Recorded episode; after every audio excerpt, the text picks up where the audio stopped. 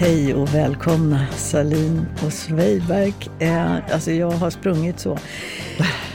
Jag försov mig, vilket man kan tycka är en sån här, jag är nästan tänd så här, ja, jag är så här tonåring igen som försover mig på morgonen. Men den där känslan när man försover sig, kommer för sent, ser bussen åka liksom mitt framför näsan. Det är en sån total känsla av maktlöshet. När man står där som en fån på gatan. Det, det, kan vara en sån akut upplevelse av att inte ha makt över sig själv, över sitt liv, över någonting egentligen. Eh, den enda trösten är att man vet ju att den är, liksom lite över, eh, den är väldigt snabbt övergående. Men ändå, just när man står där så känns det inte så. Men, eh, och ändå har du bara försovit dig, liksom vaknat tidigare då. Ja. Så du kommer i tid, Tack Helena. för tipset!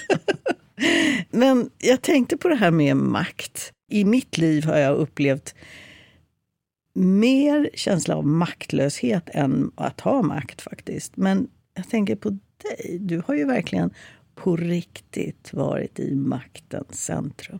Det låter alltid så, maktens centrum. Ja, det låter. Och det finns ju alltid en sån här otroligt... Jag tänker alltid på den här tv-serien Vita huset. Mm. Har du sett den? Jo, alla tror ju att det är så det ser ut. Ja, att folk till. går omkring så snabbt i korridorerna Precis. och säger smarta saker. Och bara... Ett problem dyker upp och så pang så har man en lösning. Är det inte så? Ja, ibland är det väl så, men... Alltså makt, jag har så fortfarande efter alla år så kluvna känslor inför makt. Mm. Eh, för makt är fantastiskt. Det är en känsla av att ha kontroll. Eh, det är också en lockelse i att har jag makt så kan jag göra saker, jag kan ändra på saker. Men sen är det också det här att jag tänker hela tiden på Gollum. Det har jag gjort i många år. Han sökte efter den här ringen. Mm. Och han liksom pysslade om det, My Precious. Och till slut blev ju hela hans liv bara helt styrt av att ha den här känslan av makt som ringen gav. Och det finns något obehagligt med makt. Jag kan känna det själv, har gjort det själv ibland. Men sett det också på andra. Att till slut blir det bara jakten efter makten. Mm. Och man tappar mer och mer varför man ville ha eller hur man skulle kunna använda makten. Makt korrumperar alltid. Mm. Alltid. Om, om man inte förstår det, då blir makten bara farlig. Därför att då är den inte till för någonting annat än den personen som hela tiden eftersöker den. Jag måste vinna valet. Jag måste bli minister. Jag måste hamna på första sidan. Jag, jag, jag. Det är Gollum. Just det, så för, för Gollum så är ju det här en förbannelse. Han blir ju helt utarmad. Ja, det, eh, det inser han ju inte riktigt själv. Själv, nej exakt. Men har du själv känt på den känslan att du förlorar någonting precis på liknande sätt? Ja, det Personligen? Ju, det är ju en lång process vi pratar om nu. Jag, men jag kan känna så här att redan väldigt, väldigt tidigt i, i mitt liv Eh, när jag var tonåring i skolan ja, så blev jag ordförande i alla elevråd på alla skolor jag var på. Eh, och jag tyckte det var så fantastiskt kul att stå på scenen och säga något. Och man såg på folk att ah, de gillade vad jag sa, de förstod det, de applåderade. Alltså jag tyckte så mycket om det där, att stå i centrum. Eh, och det kan man ju också fundera över att en politiker som inte gillar den sidan av att vara politiker är en ganska meningslös person. Men det blir också ett behov till slut, att du hela tiden söker den där känslan, den där kicken som uppmärksamheten, som mångas blickar på en. Men kan det inte finnas så speciellt då, tänker jag, inom den kvinnliga kulturen en, ett tabu att tycka om makt.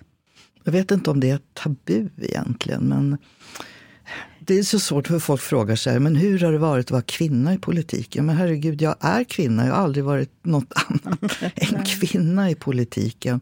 Um, så det är inte det, det är snarare hur man erkänner att man måste också vilja ha makt. Man måste också känna sig bekväm med att ha och vilja ha makt.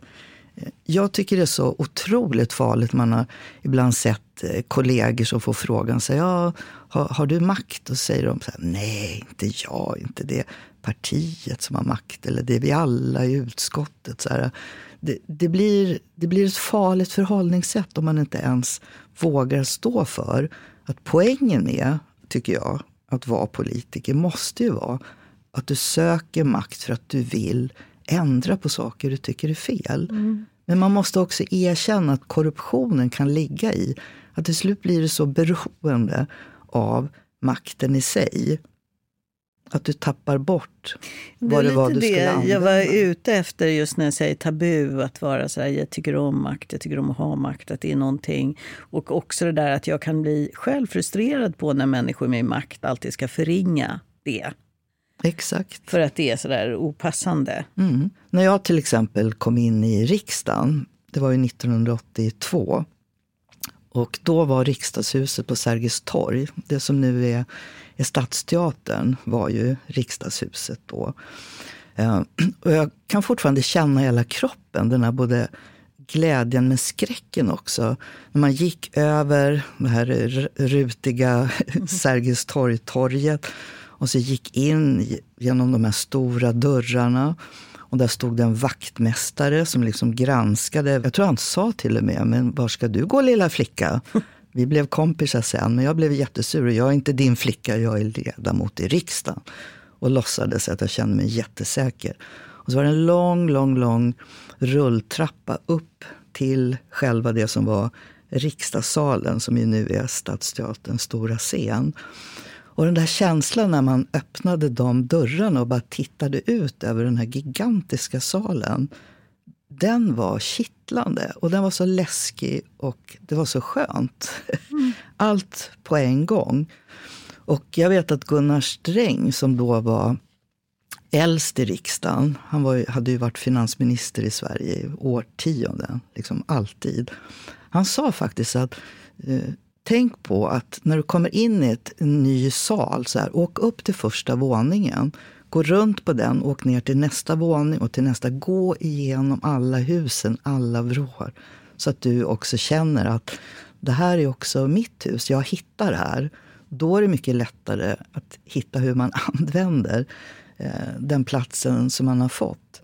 Så riksdagshuset var som en svår nöt att knäcka på något vis. Jag eh, första gången jag skulle ha debatt i riksdagen eh, så blev jag utslängd av talmannen. För jag hann bara komma in i riksdagssalen så såg jag han så här, viftade med fingret. Liksom. Jag tänkte, jag? Så jag pekade mig. Han såg ilsken ut. Så här. Eh, då hade jag på mig ett par jeans. Och så hade jag köpt en fin sidenskjorta. Mm. Men han bara tittade på och så här, här klär vi upp oss och inte ner oss. Man har inte jeans. Så jag kände det var inte läge att argumentera. Men jag kom faktiskt tillbaka i jeans dag två och dag tre. Jag tänkte det här, det här är min första fight i, i maktens korridorer. Det var ändå att bestämma. Vadå? I min generation så är de här jeansen de är svindyra, de är jättesnygga. Jag har klätt upp mig. Men jag måste också få vara jag. Och det där tänkandet har ofta Det var ju ändå ganska kaxigt gjort. Man måste alltid ta sina fighter på något vis för att känna sig säker. Mm. Inte med makten kanske, men i maktens korridorer. Och då blev kläderna liksom ett sätt. Mm. Men vad, du måste ju ändå, med tanke på vad det du har gjort eller det yrkesliv du har haft, så måste ju det ändå ha präglats av en längtan efter makt. Mm. Ja. Vad ville du göra? Vad, hur, liksom, berätta mer. Hur ser den ut? En sån sorts längtan.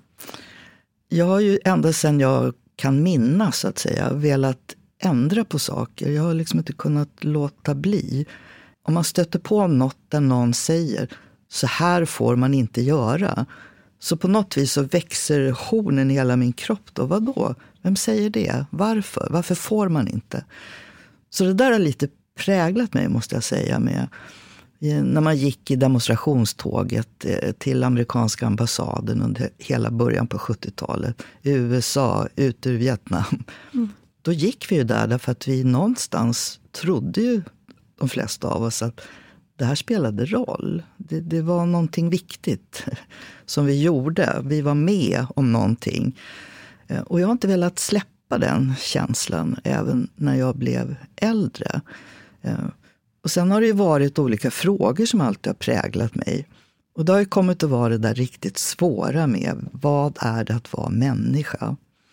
Vad är det att vara bög? Vad är det att vara född i ett annat land med en annan hudfärg? Vad är det som eh, låter andra ta på sig att definiera vad det är att vara en riktig människa, en riktig svensk, en riktig kvinna? Eh, så den frågan, vad är det att vara människa och hur mycket makt krävs det att inte bara ändra andras villkor utan också våga ändra sina egna. Mm. För det hänger ju mm. ihop, om mm. du förstår vad Ett poddtips från Podplay. I fallen jag aldrig glömmer djupdyker Hasse Aro i arbetet bakom några av Sveriges mest uppseendeväckande brottsutredningar går vi in med hemlig telefonavlyssning och, och då upplever vi att vi får en total förändring av hans beteende. Vad är det som händer nu? Vem är det som läcker? Och så säger han att jag är kriminell, jag har varit kriminell i hela mitt liv men att mörda ett barn, där går min gräns. Nya säsongen av Fallen jag aldrig glömmer på Podplay. Ja, absolut, absolut. Men makten, alltså ibland, gud, alltså jag har ju älskat den i många lägen. Även när det handlar om att få spott och spe och rasister som inte gillar den.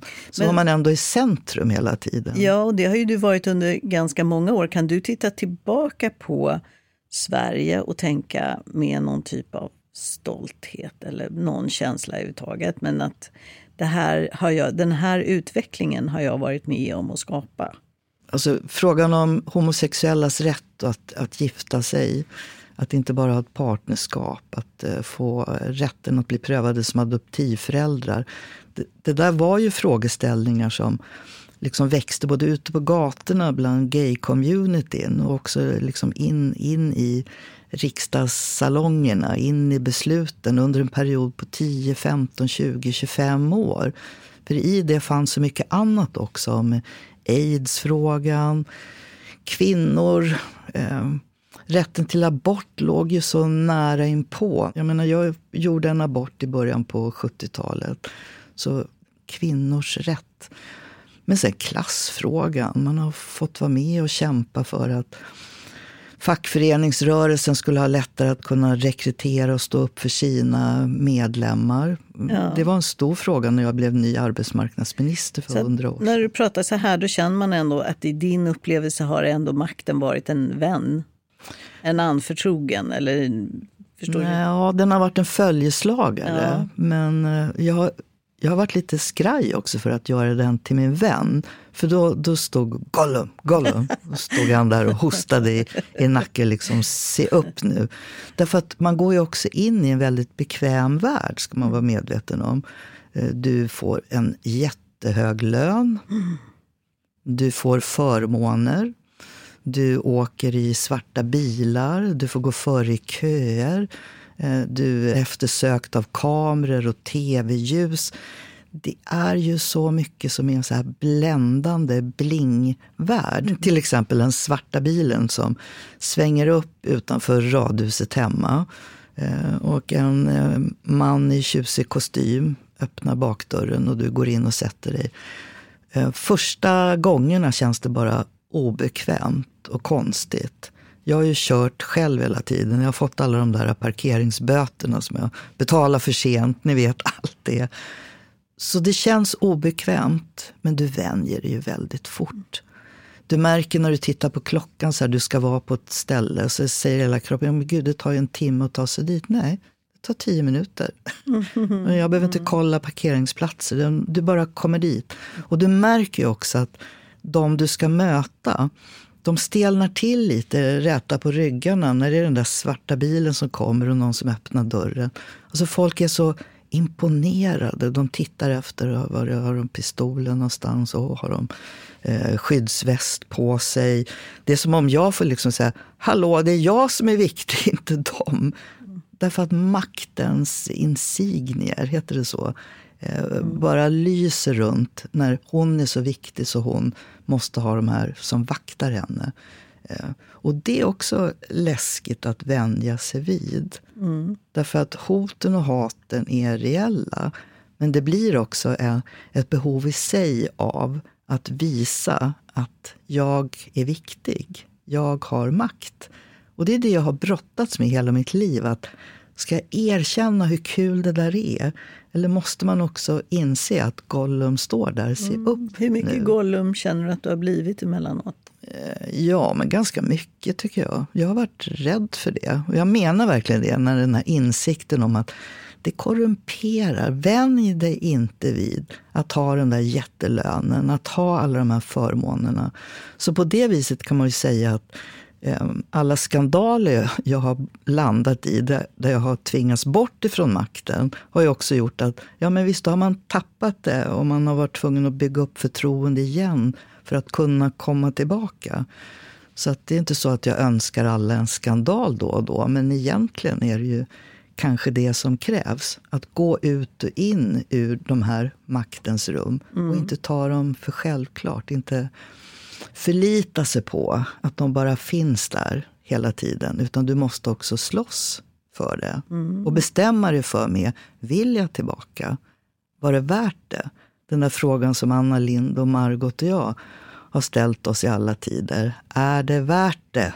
Mm. Och du måste fundera om du har själv blivit så mycket förändrad att du inte kommer ihåg längre vad det var som gjorde det värt.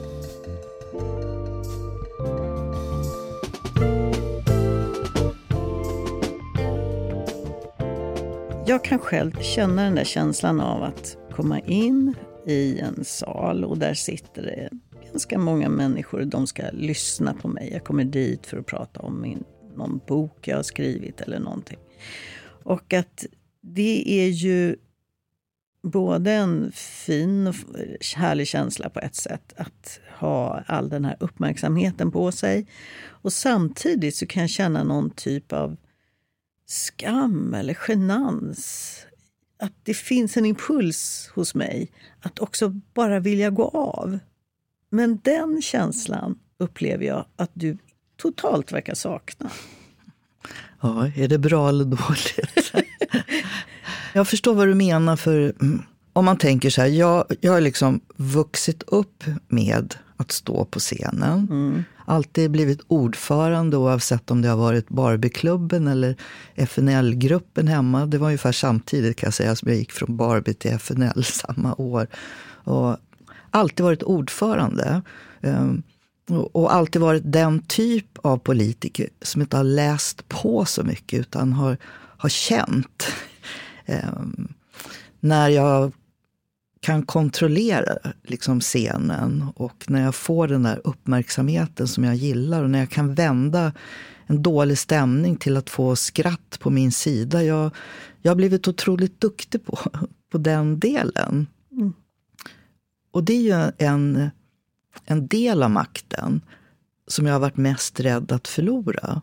Om man tänker när eh, det här med Toblerone, som det kom att kallas, när, när det började. När journalisten från Expressen stod där en morgon med massa räkningar ifrån eh, kontokortet som statsråd hade, som jag hade. Eh, och visade på, du betalade det här och det där var en tröja och det där var det. Och hur jag lite nonchigt sådär tänkte, ja men det där, det där pratar jag mig ur. Precis som jag alltid lyckas göra. Jag lyckas vända saker, det, liksom, det går. Och hur det kändes när jag plötsligt satt en kväll och tittade på Aktuellt. Och när de åkt runt till olika platser i Sverige och frågat folk, då mest kvinnor, ja, vad säger du nu om Mona Sahlin och kontokorten? Och det där hatet som, som de sa, ja, vi kan minsann inte få våra lån betalda genom att ha, ta fram ett kontokort. Nu var det inte alls det som hade hänt, men det var så de uppfattade det. Och dagen efter när jag åkte in då med den svarta bilen in till jobbet och såg löpsedeln eh, där det stod något i stil med Idag minister, imorgon kan hon sitta i fängelse. Nu tappar jag allt. Allt försvinner. Det finns inget kvar att säga. Eh, ingen kommer kunna lita på mig någonsin överhuvudtaget. Men jag var också så oerhört ledsen. Jag hade svårt att prata utan att börja gråta. Och jag kommer ihåg faktiskt hur jag skrev en, en lapp där det stod Kära Ingvar, det går inte längre. Jag kan inte prata om det, men jag måste bara avgå. Du måste förstå, du måste acceptera. Så tog jag den lappen och gick de där stegen, alltså från mitt rum, vice statsministerrummet, så passerar man själva rummet där regeringssammanträdena brukar vara. På väggen där sitter det bilder på alla regeringar, såna gruppbilder. Så jag gick med den här lappen verkligen, passerade, tittade på, på mig själv och alla andra i den där korridoren. Gick in utan att knacka, för jag visste att han var där, bara öppnade. Och han såg ju på mig. Liksom, vad, Mona, vad är det? Vad är det? Jag bara gav honom lappen, tittade på honom och han läste. Tittade upp på mig och så rev han sönder lappen. Och så sa jag förstår. Och då gick jag och satte mig på mitt rum, tände en cigarett. På den tiden fick man röka på rummet. Och grät. Och sen så pratade jag vidare med mina medarbetare. Okej, nu måste ni hjälpa mig och ta mig igenom det här. För nu ska vi ha presskonferens imorgon. Då jag berättar att nu får det vara, nu går jag. Hjälp mig. Och jag skrev ett eh, tal på ett papper med lite stödord. Och det var verkligen, det låter fånigt, men det var verkligen eh, droppar av tårar på pappret. Och sen var det en märklig känsla. Jag sov ju ingenting den natten. Och det var inte så att jag förberedde något. Jag bara kunde inte sova. Det bara surrade allt möjligt i huvudet. Jag var, vad jag var, då till exempel? Nej, men vad, vad ska jag göra nu? Ingvar, eh, Eh, är han besviken? Har jag svikit någon? Har jag svikit mig själv? Eh, ska jag in i fängelse? Hur, är det Hinseberg? Alltså, det var så mycket som bara stod skrivet i stjärnorna. Jag var bara tappade helt den rollen som jag hade och allt det jag tyckte om, allt det jag hade älskat. Och ändå var jag tvungen att komma in på presskonferensen och vara, vara inte gråta. Mm. Inte gråta framför tv-kameran, får inte börja gråta. Men hur? Du får inte. Mm. Uh, om, hur, hur gjorde du för att låta bli? Uh, på något vis var det ändå så, när man kom in i pressrummet på Rosenbad och det var, det var ju proppfullt. Och det var kameror liksom ut med alla väggarna. Och det var norsk tv och dansk tv. Jag tror tyskar var där. Det var, det var så hysteriskt. Och på något vis var det så att inblicken av detta gav mig en väldigt lugn. Okej, okay, nu är det jag som är huvudpersonen igen. Nu gör jag det jag är bra på. Jag berättar vad jag står för. Eh, jag svarar på frågorna och sen så går jag härifrån och gör någonting annat med mitt liv.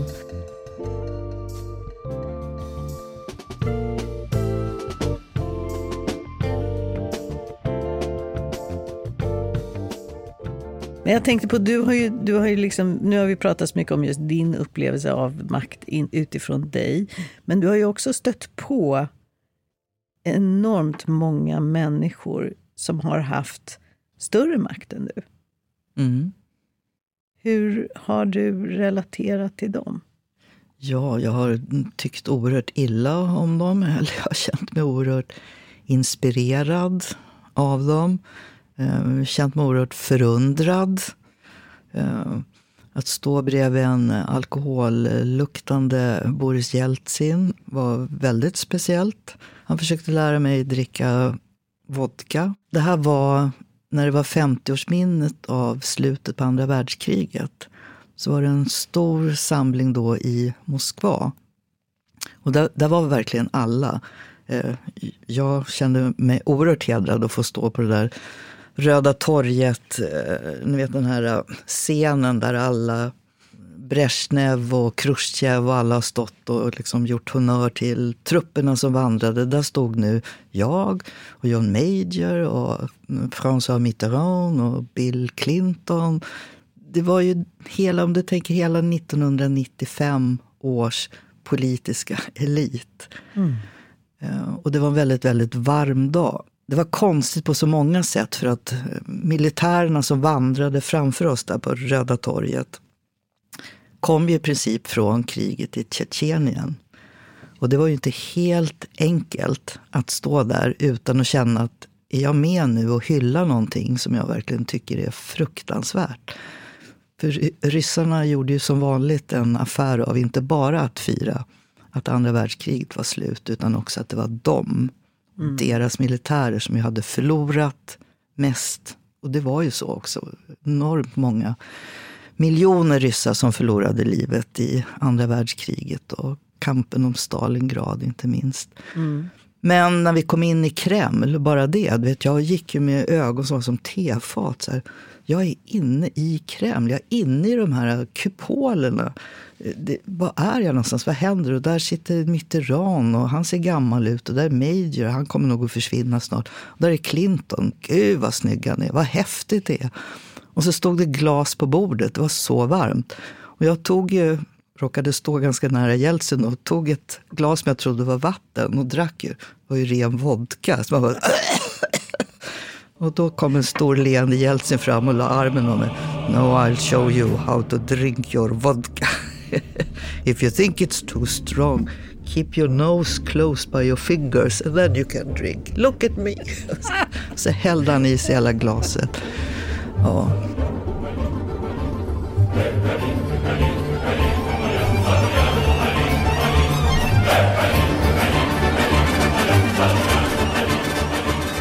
Så man har ju sett både människor som man verkligen så har beundrat, som en Benazir Bhutto i, i Pakistan till exempel. Att eh, en kvinna som tog sig hela vägen fram, ja, hon blev ju sen mördad. Otrolig människa. Ja, eller Clinton. Som, ja, berätta om Clinton. Ja, men den är ständigt flörtande människa. Var han så? Ja, men verkligen. Berätta, berätta. Och, om, om, man passerade honom, alltså alla skulle ju hälsa på alla. Och Clinton var den enda som han la handen på en arm eller han tryckte lite på axeln eller han eh, klappade lite försynt runt midjan. Han rörde vid alla, män som kvinnor, men på olika sätt. Mm. Så alla kände sig väldigt utvalda. Hur rörde han vid dig? Eh, jag fick nog en dubbel hand, hand på handen, så att säga. Mm. Inte bara skaka hand, utan sen lägga handen på handen. Titta lite extra. Och jag vet att han kommer ihåg det, för han frågade mig. Liksom, han visste ju inte vem alla var. Och då sa jag, precis när han höll mig, min hand, så sa jag så här, Well, I'm Swedens Al Gore. Och då låg han och sa, I wish. så töntigt, men jag glömde ju inte det. Ett poddtips från Podplay. I podden Något Kaiko garanterar östgötarna Brutti och jag, Davva, dig en stor dos skratt. Där följer jag pladask för köttätandet igen. Man är lite som en jävla vampyr. Man har fått lite blodsmak och då måste man ha mer. Udda spaningar, fängslande anekdoter och en och annan arg rant. Jag måste ha mitt kaffe på morgonen för annars är jag ingen trevlig människa. Då är du ingen trevlig människa, punkt. Något Kaiko, hör du på Podplay. Därför är gardinerna. Nej. Eller Mandela. Ja, Mandela. Jag har träffat Mandela tre gånger. Apropå att ibland består ju makten som ett lysande fyrbåk i ögon och fibrer i hela människan. Mandela var ju verkligen det. Inte bara när han var president, utan långt efter. Så var han, han är ja, närmaste Jesus jag någonsin kommer att komma. Jag tror inte ens på Jesus. Och Mandela, det är den största person jag någonsin i hela mitt liv har fått träffa. Och så vacker, hela mm. han. Första mötet var när han var ganska nyvald som president. Och han kom till Sverige då för att tacka för Sverige spelade en otroligt viktig roll i kampen mot apartheid. Han var så noga med att det skulle inte bli, bli ett hatparti som skulle hata de vita. Nu måste vi bygga upp det här som så hela Sydafrikas parti. Det gick ju tyvärr inte så bra sen. I längden så blev ju ANC ett fruktansvärt parti också. Men han var i Sverige för att tacka för hjälpen helt enkelt. Att sitta där med, med honom, det var stort. Mm. Vissa lägen får man knappt ur sig ett ord. Jag tycker ändå det låter som att du har klarat det ganska bra. Tack. ja, men jag menar att du inte har fått tunghäfta och blivit jättenervös utan att du ändå har kunnat axla den här rollen. Ja. Jag skulle, själv skulle jag förmodligen blivit stum eller, ja nej jag vet inte. Helt kväll med Bill Clinton, hade jag klarat det? Tveksamt. Det finns ju någonting, alltså, om man tänker sig, jag då som är, har, all, har varit så långt ifrån det här. De här människorna som du beskriver, de är ju som ikoner eller emblematiska. Eller jag liksom, men finns det någonting gemensamt, kan man säga någonting så generaliserande kring vilka sorts människor det har varit? Eh, en del är ju sitt uppdrag. Mm. Mer än de är en människa överhuvudtaget. Eh, En amerikansk president är sitt uppdrag, är sitt hela land. Eh, Europeiska politiker måste vara de människor som de vill ska prägla det uppdrag som de får. Och det tycker jag är en oerhört stor skillnad på länder som har partiväsenden som där man likt jag och andra måste liksom ha vandrat upp och fått förtroende och blivit vald och blivit omvald och fått kämpa. Eh, det spelar en stor roll för vilken typ av människor, lite mindre eh, märkvärdiga än vad förhållandet blir, tycker jag, i amerikansk politik som exempel. Och sen kvinnorna. Eh, väldigt ofta kvinnor som eh, har varit pappas flicka, har jag upptäckt. Och som ofta har varit äldsta. Som du? Ja, och som har varit äldsta, äldsta barnet. Eh, om man var på, på möten och konferenser så hamnar man ju alltid i damtoaletten till slut tillsammans med damen ifrån något annat land. Så man kunde lik, lite prata privat på ett annat sätt. Samtidigt som man fixade håret och satte läppstift på sig och tog bort eh, mascarakluttarna in i ögonen så kunde man också fråga, ja men gud, hur, hur, hur blev du politiker? Hur började det för dig? För det är ju inte så många i ditt land heller som är kvinnor. Och då var ofta svaret, ja vet du, min pappa. Min pappa gav mig verkligen sånt förtroende och sånt självförtroende. Visst, mamma var viktig, men det var pappa som kickade igång den där liksom, du klarar att ha makt, du, du klarar det, du är duktig. Och det var en grej som jag tycker, min lilla privata opinionsundersökning. Att kvinnliga politiker som når långt har ofta haft en pappa som har varit största supporten till dem. Men jag tänker på, ibland just om man ska tänka makt eller hierarkier så jag kan ju känna mig trygg i min grupp, så att säga, eller i mitt yrke. Eller i, liksom, jag, jag tycker att min position är okej. okej. Jag, jag känner mig trygg i den. Men sen kan man ju plötsligt hamna i ett helt annat sammanhang. Om jag till exempel hamnar på någon typ av middag eller sammankomst med människor från näringslivet eller liksom någonting som är, och som aldrig, det är liksom en grupp av människor som aldrig skulle läsa en bok. Om man är politiker tänker jag att i vissa sammanhang är man ju misstänkliggjord redan där. Eh, har du känt den känslan någon gång? Att du har liksom trillat ner i hierarkin bara, genom, bara på grund av att du är politiker? Helt ärligt, nej. Snarare tvärtom. Att eh, ja, eh, sitta bredvid Mona, få fråga om eh, Säpo-människor, få fråga om alla man har träffat. Eh, Jag har varit mer Mona än den där politikern. Och det har varit både en, en styrka och ett problem, tror jag, för mig. Att allt blev så tajt och nära. Man var verkligen ett förnamn med folk. Mona debatterar med Reinfeldt till exempel. Och det är ju både på gott och på ont. När du Ja. söker att bli liksom statsminister, då måste du också få ett eh, pondus eh, och inte bara vara förnamnet. Men eh, ja, så jag har aldrig upplevt det problemet. Och sen känner jag också att det finns sidor av politiken som jag aldrig har känt mig bekväm med. Som också är verkligen jag.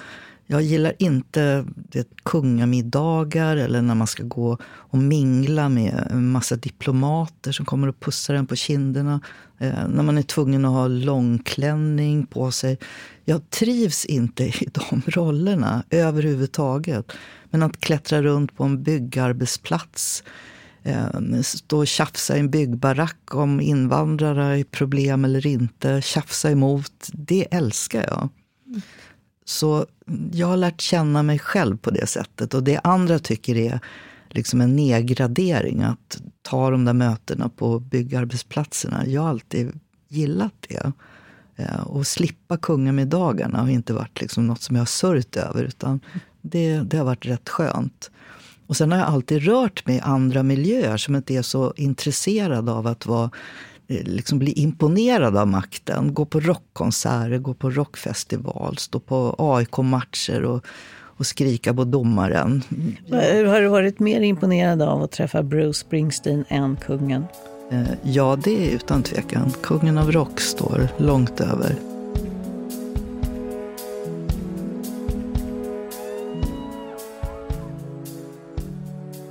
Jag tänker ändå så här att du har, eh, du har liksom haft makt. Du har också liksom blivit detroniserad från makten.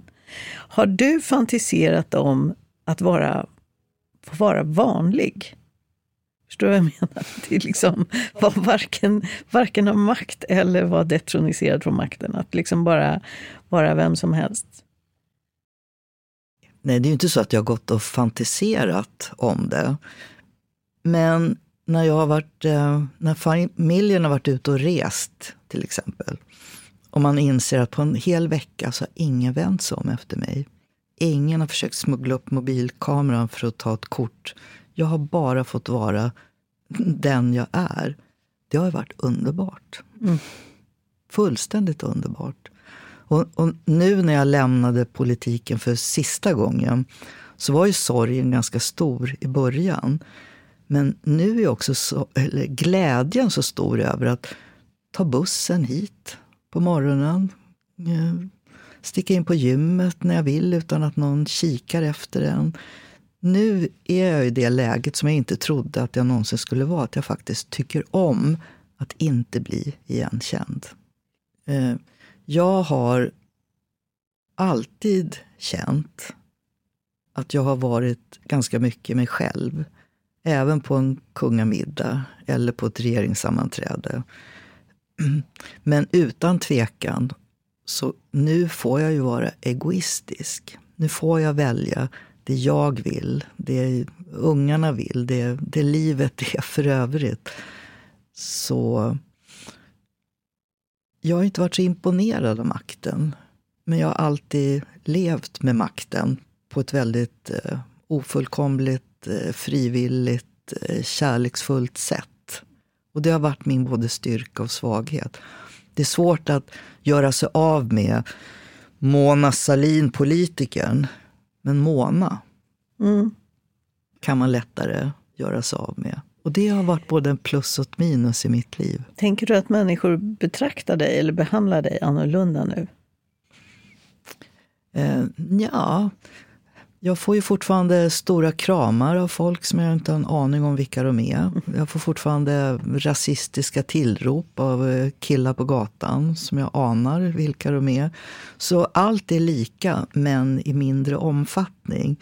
Och däremellan får jag, som är mormor, som är mamma, som fortfarande gillar att gå på konserter och fotboll. Jag får ett mycket, mycket större utrymme. Och framförallt, jag kan tänka efter. Jag behöver inte tänka hur ska jag svara på nyheten som var i morse när Ekot kommer om en timme. Nu kan jag tänka efter. Jag kan landa lite lugnare i vem jag är och de åsikter jag har. Och de saker som jag verkligen vill göra. ibland låter det som det är bara en sån som jag som har makt. Men makten att vara en opinionsbildande, att eh, via det man skriver också påverka hur andra människor tänker och förhåller sig, så är ju du verkligen på det sättet en människa som har och använder makt väldigt mycket. Eh, jag, jag, tror att det var eh, den här tyska regissören Rainer Werner Fassbinder som sa att en konstnär kan aldrig förändra någonting egentligen, men kan göra människan mer sensibel. Och det där tog jag till mig någon gång för länge sedan och tänkte liksom att det där är mitt uppdrag. Jag vill medverka till att människor ska bli mer sensibla. Att man ska liksom se mera, eh, mera av just det här som du pratar om. Hur är det att vara människa? Det är egentligen det enda som, som eh, jag eh, känner viktigt. Eller det, det, är inte det, det är det jag känner som är viktigt.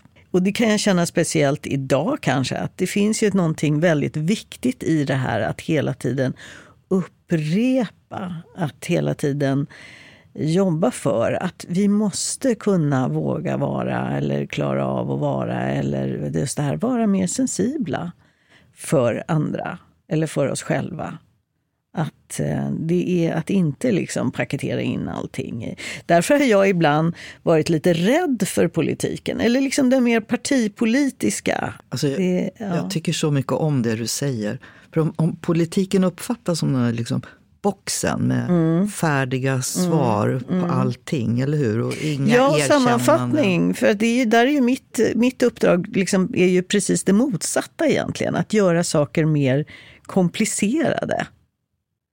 Det är ju det jag håller på med, att hela tiden vrida och vända på allting. Så här, ja, men är det inte lite mer si och är det inte lite mer så? Eller, ja, fast man kan ju också känna på det här sättet att eh, vidga det. Men gud vad jag älskar det du sa. Och tänk vad lika vi är varandra, trots att vi är så olika. Ja. För jag har ofta sagt det också, vad är det viktigaste ordet i politiken? Det är det. Då har jag alltid sagt komplicera saker. Krångla ja. till det. Det finns inte det där enkla svaret på alla svåra frågor. Det är svårt. Det är, ja. Och låt det vara svårt. Ja, exakt. Låt det vara svårt. Och, eh, eh, så att på det sättet så kan jag ju hoppas att jag har makt. Så att visst kan jag liksom, jag hukar mig för makt, för jag tror att det är just det där att makt kan ju ha en sån eh, kan ju ha en klang av någonting som är obehagligt också. Eller att det är att sätta sig över. Jag har alltid väldigt svårt att sätta mig över saker och ting. Jag tänkte på det när vi skaffade hund till exempel. Att det är så här, det är väldigt viktigt att visa vem som man bestämmer. Och liksom, jag känner bara usel på att visa vem som bestämmer. Jag liksom bara tittar, vad vill du? Jaha, i kylskåpet nu igen. Ja, vi kan se om det finns någonting där då. Men nu får du faktiskt ge dig. Nej, du ger dig inte. Nej, okej då. Alltså jag är jättedålig på gränssättning, eller det som jag upplever att eh, tillhör att kunna vara en människa med makt. Eh, I den liksom privata sfären. Jag, det, där, är, där kan jag verkligen känna att jag är, det är, gränssättning är min sämsta gren. Brukar jag säga. Ja, men det kanske är den bästa grenen också. Att vara en gränssättande människa. Mm. Eller att ja, kunna klara det. Exakt. Ja, verkligen. Jag försöker hela tiden lära mig. Jag tycker att jag blir möjligen lite bättre. Men eh, eh det är viktigt. Men det har vi lärt oss nu. Den komplexa sensibiliteten. Ja. Det är mitt nya så här målbild. Liksom. Så Gollum, bort med honom. Den ja. sensibla komplexiteten. Precis. Ja, fint. Bra. Ja, tack för idag Helena. Nu ska jag tack. hem och typ eh, tvätta fönstren tror jag. Ja, vilken bra. Jag tror att jag ska gå hem och skriva lite. Nu blir jag lite uppeldad. tack Mona. Hej då. Hej.